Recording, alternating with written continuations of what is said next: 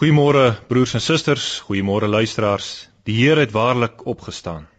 So mag ons mekaar vanmôre begroet by hierdie erediens uit die Vrye Gereformeerde Kerk Pretoria Maranatha. Hierdie gemeente met 330 lidmate bestaan sedert Julie 1997 en vorm deel van die verband van die Vrye Gereformeerde Kerke in Suid-Afrika.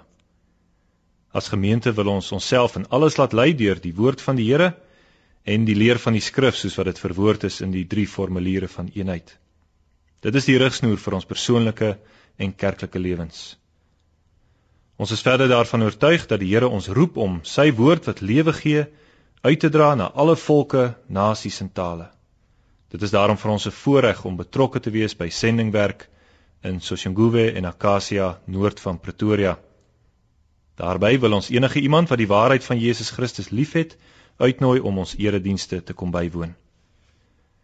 Die teks vir vanoggend se preek kom uit Matteus 27 vers 53. Kom ons bely nou eers saam ons afhanklikheid van die Here. Ons hulp is in die naam van die Here wat hemel en aarde gemaak het. En ontvang dan die vriendelike groet van die Here, genade vir julle en vrede van God ons Vader en van die Here Jesus Christus. Amen.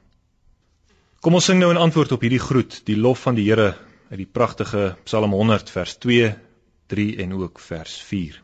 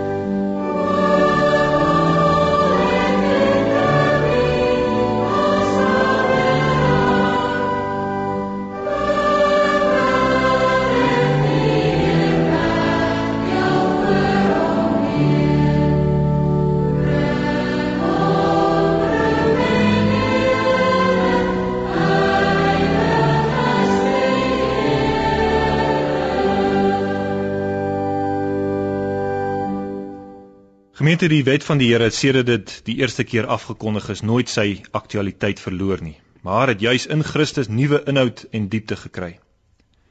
Kom ons luister nou daarna om ons lewens in liefde en in gehoorsaamheid daarna te rig. Ek lees vir u die wet soos wat ons dit vind in Eksodus 20. Toe het God al hierdie woorde gespreek en gesê: Ek is die Here jou God wat jou uit Egipte land uit die slawehuis uitgelei het. Jy mag geen ander gode voor my aangesig hê nie. Jy mag vir jou geen gesneede beeld of enige gelykenis maak van wat bo in die hemel is of van wat onder op die aarde is of van wat in die waters onder die aarde is nie. Jy mag jou voor hulle nie neerbuig en hulle nie dien nie. Want ek, die Here jou God, is 'n jaloerse God wat die misdaad van die vaders besoek aan die kinders, aan die derde en aan die vierde geslag van die wat my haat en ek bewys barmhartigheid aan duisende van die wat my liefhet en my gebooie onderhou. Jy mag die naam van die Here jou God nie ydelik gebruik nie. Want die Here sal die een wat sy naam ydelik gebruik nie ongestraf laat bly nie. Gedenk die Sabbatdag dat jy dit heilig. Ses dae moet jy arbei en al jou werk doen, maar die sewende dag is die Sabbat van die Here jou God. Dan mag jy geen werk doen nie. Jy of jou seun of jou dogter of jou dienskneg of jou diensmaagd of jou vee of jou vreemdeling wat in jou poorte is nie want in 6 dae het die Here die hemel en die aarde gemaak die see en alles wat daarin is. En op die sewende dag het hy gerus. Daarom het die Here die Sabbatdag geseën en dit geheilig. Eer jou vader en jou moeder dat jou dae verleng mag word in die land wat die Here jou God aan jou gee. Jy mag nie doodslaan nie. Jy mag nie egbreek nie. Jy mag nie steel nie. Jy mag geen valse getuienis teen jou naaste spreek nie. Jy mag nie jou naaste se huis begeer nie. Jy mag nie jou naaste se vrou begeer nie of sy dienskneg of sy diensmaagd of sy os of sy esel of iets wat van jou naaste is nie. Kom ons verenig nou saam in gebed tot die Here. Ons Vader in die hemel, hoe wonderlik goed is dit om U te mag ontmoet. Om ons loflied aan U te kan wy en om saam te luister na U goeie wil vir ons lewens. En juis op hierdie oorwinningssondag kry dit ekstra betekenis. Ons het immers nie net saam met Christus gesterf nie, maar ons het ook weer saam met hom opgestaan in 'n nuwe lewe. Ja Here, ons wil vir U lewe. Dankie dat ons dit mag doen in die krag van Christus se oorwinning. Gee daarom dat ons ontmoeting met U vanmôre 'n ontmoeting in en deur Jesus Christus sal wees. Hy wat die weg, die waarheid en die lewe is. Seën ons wanneer ons u woord oopmaak, want daarin hoor ons u stem. Spreek kragtig, Here, en laat dit ons lewens aanraak as 'n werklikheid vir elke dag. Skenk u Heilige Gees aan ons, hy wat Here is en lewend maak.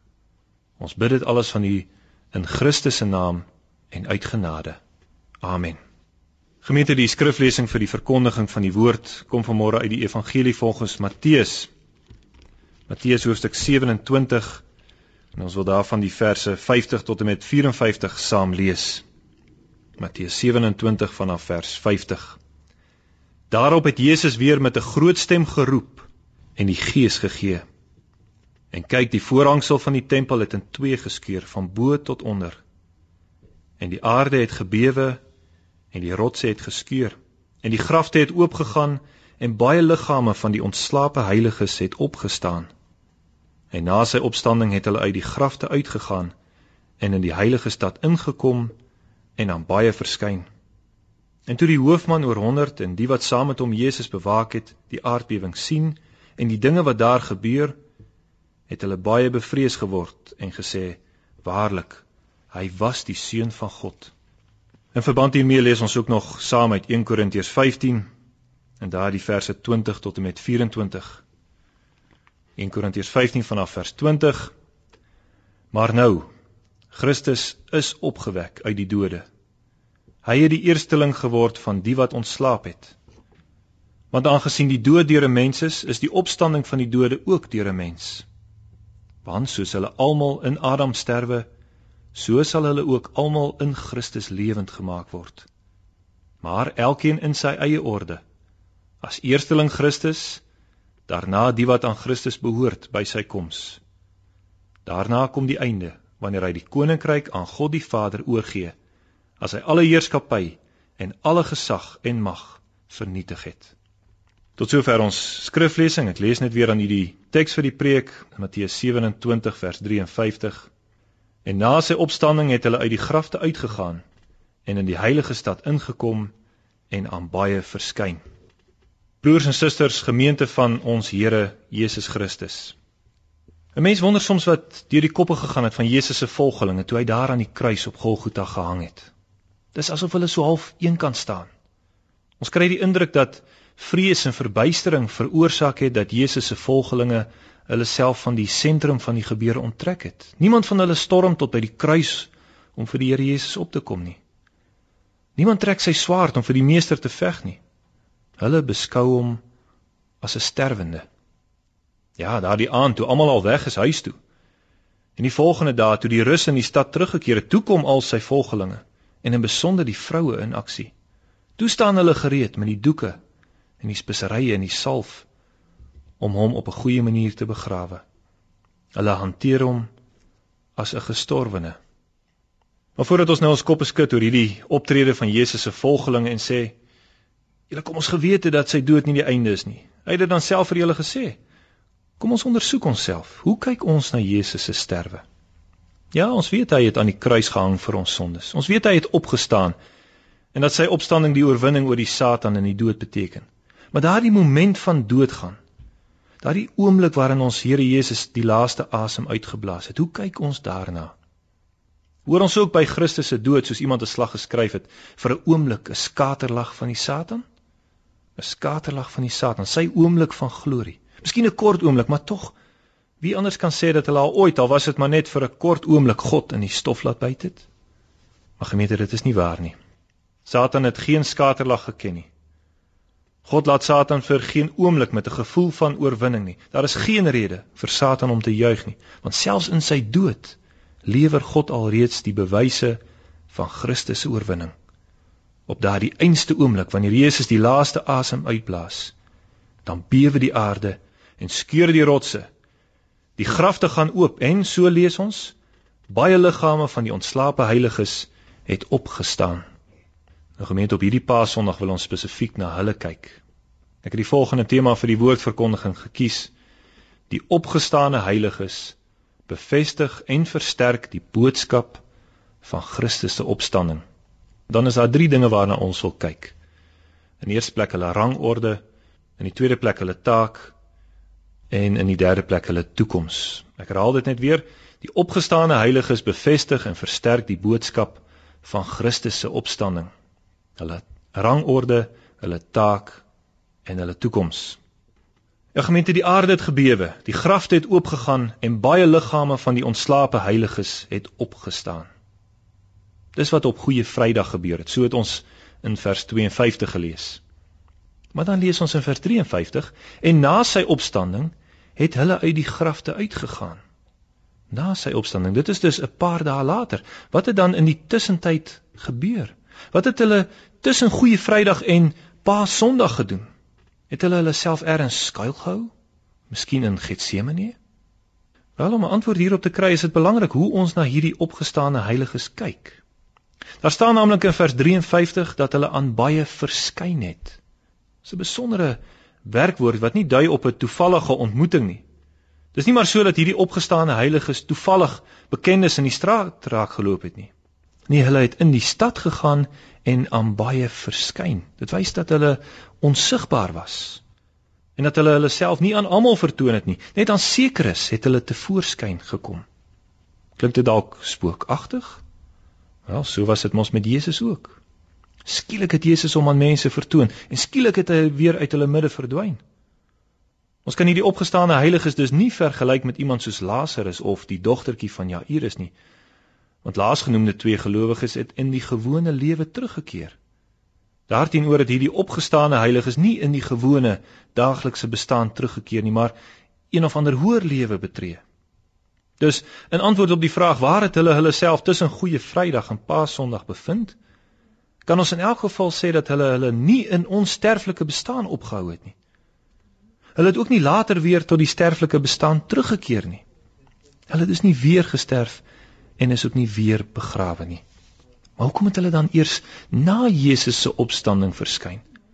Hulle dan al op Goeie Vrydag opgestaan. Hoekom nou eers hulle verskyning maak? Gemeente, hierdie opgestane heiliges het gewag. In spanning en eerbied gewag vir hom in wie se krag hulle opgestaan het. Ja, hulle het miskien voor Jesus Christus uit die dood opgestaan, maar hy bly die eersteling. Soos Paulus in 1 Korintiërs 15 vers 20 sê, Christus is die eersteling van die wat ontslaap het. In die gedeelte net voor 1 Korintiërs 15 vers 20 het Paulus die mening bestry van sommige in die gemeente van Korinte wat gemeen het dat Christus nie uit die dood opgestaan het nie. En dan met 'n aantal hipotetiese stellings hou Paulus aan die gemeente die gevolge van hierdie denkwyse voor. As daar geen opstanding van die dode is nie, dan is Christus ook nie opgewek nie. En as Christus nie opgewek is nie, dan is ons prediking vergeefs. En as ons net vir hierdie lewe op Christus hoop, dan is ons die ellendigste van alle mense. Maar in vers 20 hou Paulus op met die negatiewe en stel hy die waarheid van die evangelie. Maar nou, Christus is opgewek uit die dode. Paulus gebruik hier 'n werkwoordsvorm wat daarop dui dat dit iets is wat in die verlede gebeur het, maar waarvan die gevolge steeds deurwerk. Dus Christus het in die verlede amper 2000 jaar gelede opgestaan, maar hierdie opstanding het konsekwensies vir die hede en vir die toekoms. En daarom kan Paulus byvoeg in vers 20: Hy het die eersteling geword van die wat ontslaap het. Daar sal nog baie meer volg. Sy opstanding sal bly deurwerk. Dit sal effek bly hê. Nou die eersteling was in die Ou Testament die eerste en die beste deel van die oes wat aan die Here geoffer is. Dit was die simbool daarvan dat die hele oes aan die Here gewy is. Wanneer Christus dus die eersteling van die opstanding genoem word, dan beteken dit dat hy die beste deel is en dat saam met hom uiteindelik die hele oes, al die gelowiges, uit die dood sal opstaan. Hy deur die krag van sy eie godheid, hulle deur die krag van sy opstanding. En gemeente, dit is die rede waarom die heiliges wat op Goeie Vrydag opgestaan het as bewys van Christus se oorwinning aan die kruis nie na vore kom tot na sy opstanding nie. Want hy is in rangorde die eerste. Hulle hou hulle self op die agtergrond om aan hom die eer te gee. Hy het immers opgestaan deur sy eie krag as God. Hulle het opgestaan deur die krag van sy opstanding. Slegs deur sy krag is hulle opgewek. En broers en susters, hulle is die bewys daarvan dat sy opstanding inderdaad krag het. Dat sy opstanding werklik effek het. Hulle maak sigbaar dat Christus werklik die eersteling, die beste deel van die oes is, want die res van die oes is dan al reeds besig om binne te stroom. Die wat in orde na hom sou volg, is al reeds besig om in te kom. Dus die feit dat daar 3 dae verloop het tussen hulle opstanding uit die grafte en hulle ingang in die stad is niks minder nie as eerbied en erkenning vir die Heer wat werklik opgestaan het. Eerbiedig wag hulle daarom dat hy hulle voorgaan. Eerbiedig buig hulle hulle self neer op die grond van die begrafplaas wat nog omgewoel is na die eerste aardbewing op Goeie Vrydag. En hulle wag vir die oomblik van die tweede aardbewing wat met Jesus se opstanding gepaard sou gaan. Dan eers kon hulle uitgaan. Eers Jesus, eers die hoof, dan die lede. En gemeente vir ons wat onsself in hierdie sterflike bestaan bevind, is dit 'n geweldige troos en aanmoediging. Die dood is 'n realiteit in ons lewe.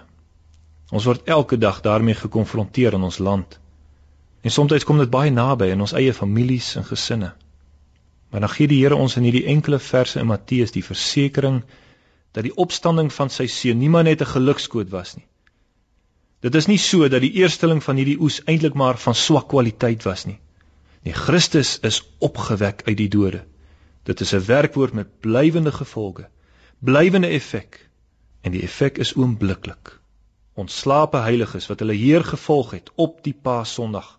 En daarom mag ons weet, ook ons sal eendag opstaan. Ook my pa en my ma, my vrou, my man, my seun en my dogter, almal wat in die Here gesterf het, sal opstaan in die krag van Christus en in navolging van ons broers en susters daar in Jerusalem. Want die dood kan ons nie vashou nie. Die dood en die doodryk sal eendag gedwing word om nie slegs enkeles nie, maar al sy dooies vry te laat, elkeen wat aan Christus behoort by sy koms. Ja, dis waar, die dood bly onnatuurlik. Dit bly 'n indringer in ons bestaan. Maar ons lewe nie by die vrees vir die dood nie. Ons lewe by die werklikheid van die opstanding uit die dood. En dan wil ons in die tweede plek let op die taak van die opgestane heiliges. Ons lees naamlik dat die opgestane heiliges na Christus se opstanding uit die grafte uitgegaan en in die heilige stad ingekom en dan baie verskyn het. Nou met die heilige stad word verwys na Jerusalem, maar ons praat daaroor in die laaste punt weer. Hierdie opgestane heiliges het dus Jerusalem ingegaan en daar aan baie verskyn. Dit was God se opdrag aan hulle. U kan daarvan verseker wees dat hulle dit nie uit hulle self gedoen het nie. Want daarin was vir hulle geen voordeel nie. Dit is nie voordelig om in die hemel by God te wees en dan weer na die aarde te moet terugkom nie. Nie hierdie gestorwe gelowiges kom nie uit hulle self terug aarde toe nie. God stuur hulle om Christus wil. Ter wille van Christus en die getuienis van sy opstanding kry hulle weer hulle liggame en word hulle opgedra om hom te gaan verkondig. Hulle taak was dus om te preek. Om te preek vir die baie mense aan wie hulle verskyn het. Hulle moet verkondig dat Christus werklik opgestaan het. En dat die leuen wat versprei is, naamlik dat sy disippels in die nag sy liggaam kom steel het, dat dit nie waar is nie. Of hierdie opgestane getuies fisies gepraat het, ons weet nie. Maar ook al het hulle geen woord gesê nie, was hulle blote verskyning alreeds prediking vir die inwoners van Jerusalem. En nie slegs vir die gelowiges onder die inwoners nie. Nee, ons kan aanneem dat hulle ook aan ongelowige Jode verskyn het. Miskien selfs aan enkele van die lede van die Joodse raad wat Jesus laat kruisig het. En stel jouself voor watter geweldige indruk dit moes gemaak het. Eers was daar die oop grafte op Goeie Vrydag. En uit sommige van hierdie oop grafte het die liggame ontbreek, net uit sommige, nie uit almal nie. Lees maar vers 52 van Matteus 27. En dit moes die Jode getref het. Al die leë grafte is grafte van volgelinge van Jesus.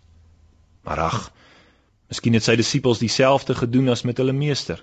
Hulle het ook sy gestorwe volgelinge uit die oop graf te kom haal. Maar dan skielik, dan staan hierdie gestorwe volgelinge lewendig voor hulle. Skielik moet hulle die getuienis hoor dat die verhale wat versprei word leuns is. Dat Jesus van Nasaret werklik uit die dood opgestaan het. Heelwat Jode het waarskynlik by hulle self gedink het ons nie dalk 'n fout gemaak nie. Was hierdie Jesus nie dalk tog die seun van God soos wat hy beweer het nie? Gemeente juist daarvoor het God die prediking van die opgestane heiliges gegee sodat die inwoners van Jerusalem kon nadink oor wat gebeur het sodat hulle tot besinning kon kom sodat hulle tot geloof kon kom en daarom was hierdie prediking ook 'n blyk van God se genade 'n blyk van sy ywer om die harte van sy volk te wen maar onthou waar hierdie genade nie omhels en aangeneem word nie daar word die genade tot oordeel Dit is die tweesnydende swaard waarvan die woord praat. Dus tot genade en tot oordeel. Tot genade vir die wat die Here Jesus so verskriklik liefgehad het, maar wat in hierdie tyd so verward was oor die dood van hulle meester. Maar ook tot oordeel vir die daar in Jerusalem wat die oorwinning en opstanding van die Here Jesus nie wou glo nie ten spyte van die lewende bewyse voor hulle oë. Tot genade en tot oordeel. Ook vandag. Tot genade vir elkeen wat vandag aan die woord wil vashou maar wat gebombardeer word met valse leringe wat Jesus se opstanding loon. Moenie daarna luister nie. Wat het ons aan 'n dooie Christus? Niks nie. As Christus nie opgestaan het nie, laat ons dan maar eet en drink want môre sterf ons. As hy nie opgestaan het nie, beteken sy dood niks nie. Maar hy het opgestaan. Laat ons die woordelose getuienis van hierdie opgestane heiliges vashou. Vashou tot die einde toe. En dit is nog nie die einde nie. Die blote feit dat hierdie heiliges nog na die aarde kon terugkeer, is die bewys dat die saligheid nog nie volkome is nie. En die siele onder die altaar waarvan Openbaring 6 praat, roep daarom ook: "Hoe lank o heilige en waaragtige heerser, oordeel en wreek u nie ons bloed op die bewoners van die aarde nie? Hoe lank nog?" Ja, dit mag miskien lank voel. Ons verlang miskien na die opstanding van die dooies. Ons geloof in daardie opstanding word miskien sterk aangeval. Maar soos Paulus skryf in sy eerste brief hoofstuk 3 vers 9, die Here is nie besig om die belofte van Christus se wederkoms as die lewende te vertraag, soos wat sommige dit vertraging ag nie. Maar hy is lankmoedig oor ons en wil nie hê dat sommige moet vergaan nie, maar dat almal tot bekering moet kom. In sy genade gee God nog tyd sodat die getuienis van Christus se opstanding, ook die getuienis van die opgestane heiliges daar in die strate en huise van Jerusalem, dat dit die wêreld oor kan klink tot behoud van vele. Maar die prediking van hierdie opgestane heiliges is ook vandag gegee tot oordeel. Tot oordeel vir die wat sy opstanding verloon. En ons kry vandag nie meer opgestane heiliges om aan ons te getuig nie. Ons het die getuienis van die Gees, God se eie woord. As ons dit nie glo nie, gaan geen opgestane dooie ons ooit oortuig nie. Gemeente, dit was hierdie opgestane heilige se taak om te preek, om die opstanding van Christus uit die dood te verkondig. Laat ons hulle getuienis vashou. Laat ons hierdie getuienis met geloofsmoed uitdra. Die Heer het waarlik opgestaan. Daarin lê die krag van ons geloof. En dan nog ten slotte, let ons op die toekoms van hierdie opgestane heiliges. Ek het gesê ons gaan nog terugkom na Jerusalem. Jerusalem word in Matteus 27 vers 53 die heilige stad genoem. So noem Matteus hierdie stad ook in hoofstuk 4 vers 5. En dis nie sonder rede nie. Ons moet naamlik onthou dat dooies onrein was En daarom is hulle nie in die stad toegelaat nie, want daardeur sou die stad ook ontheilig word. Maar was die stad dan nie alreeds onrein nie? Was Jerusalem nie alreeds vuil van ongehoorsaamheid en ongeloof nie? Sê Jesus dit nie self in Matteus 23 vers 37 nie. Jerusalem, Jerusalem, jy wat die profete doodmaak en stenig die wat na jou gestuur is. Hoe dikwels wou ek jou kinders bymekaar maak, net soos 'n hen haar kuikens onder die vlerke bymekaar maak en julle wou nie. En dan spreek hy uiteindelik die oordeel uit oor hierdie stad wat hom uitgespoeg het. Want daar sal daaroor jou kom dat jou vyande 'n skans rondom jou sal opwerk en jou omsingel en jou van alle kante insluit. En hulle sal jou en jou kinders in jou teen die grond verpletter en hulle sal in jou nie een klip op die ander laat nie omdat jy die gunstige tyd toe God jou besoek het nie opgemerk het nie.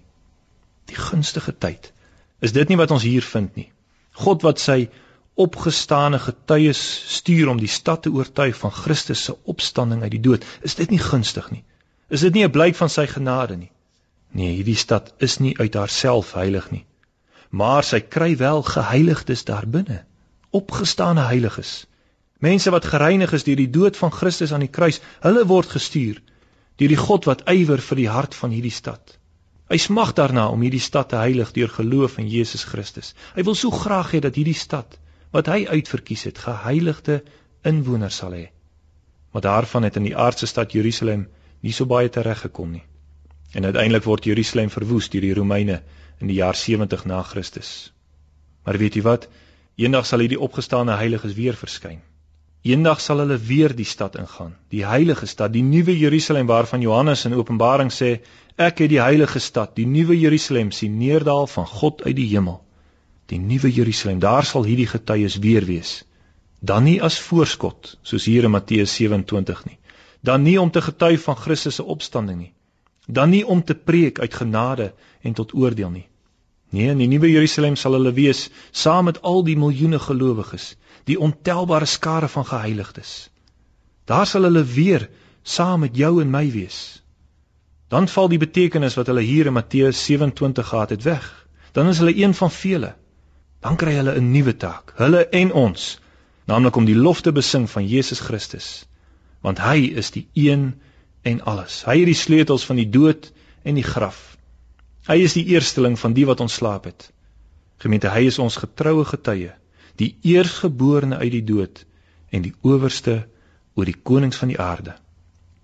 Kom, laat ons terwyl ons wag vir daardie dag, die stad ingaan en daarvan spreek, nie as opgestane heiliges nie, maar as heiliges wat glo in die opstanding tot die lewe. Amen. Kom ons bid saam. Here, dankie vir die boodskap van Christus se opstanding. Hy is die eersteling en hy waarborg die opstanding van al u kinders. Dankie ook vir die opgestane getuies wat steeds vandag tot ons spreek. Keer dat ons hulle getuienis nie in die wind sal slaan nie, maar dit ter harte sal neem sodat ons eendag saam met hulle in u koninkryk verenig mag word. Vader, ons bid vanmôre vir ons land. Ons bid dat u ons land genadig sal wees. Daar is soveel lyding, soveel hartseer en siekte. Gee dat ons besef dat ons nie maar net slagoffers is nie. Mag gee dat ons in al hierdie hartseer en probleme u stem sal hoor wat ons oproep om na u toe terug te keer. Wees met ons regering. Gee aan hulle alle wysheid om hierdie land so te regeer dat daar ruimte is vir die kerk om te groei. Ons bid vir die verbreiding van die evangelie in ons land. Seën almal wat getrou u woord wil verkondig. Maak hulle daarin moedig omdat hulle weet dat daarin die lewe is.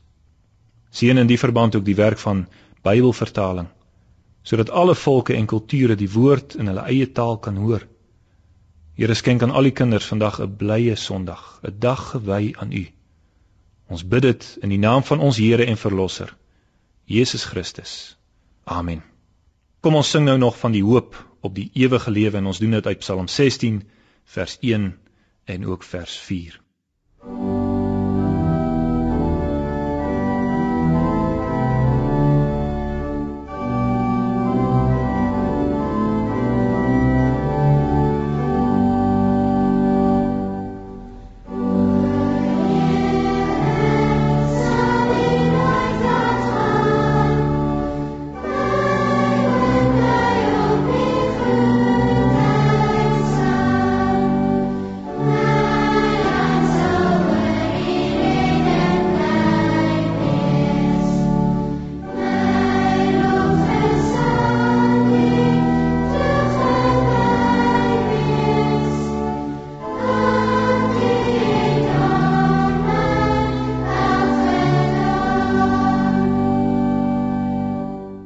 Ontvang ten slotte nog die seën van die Here.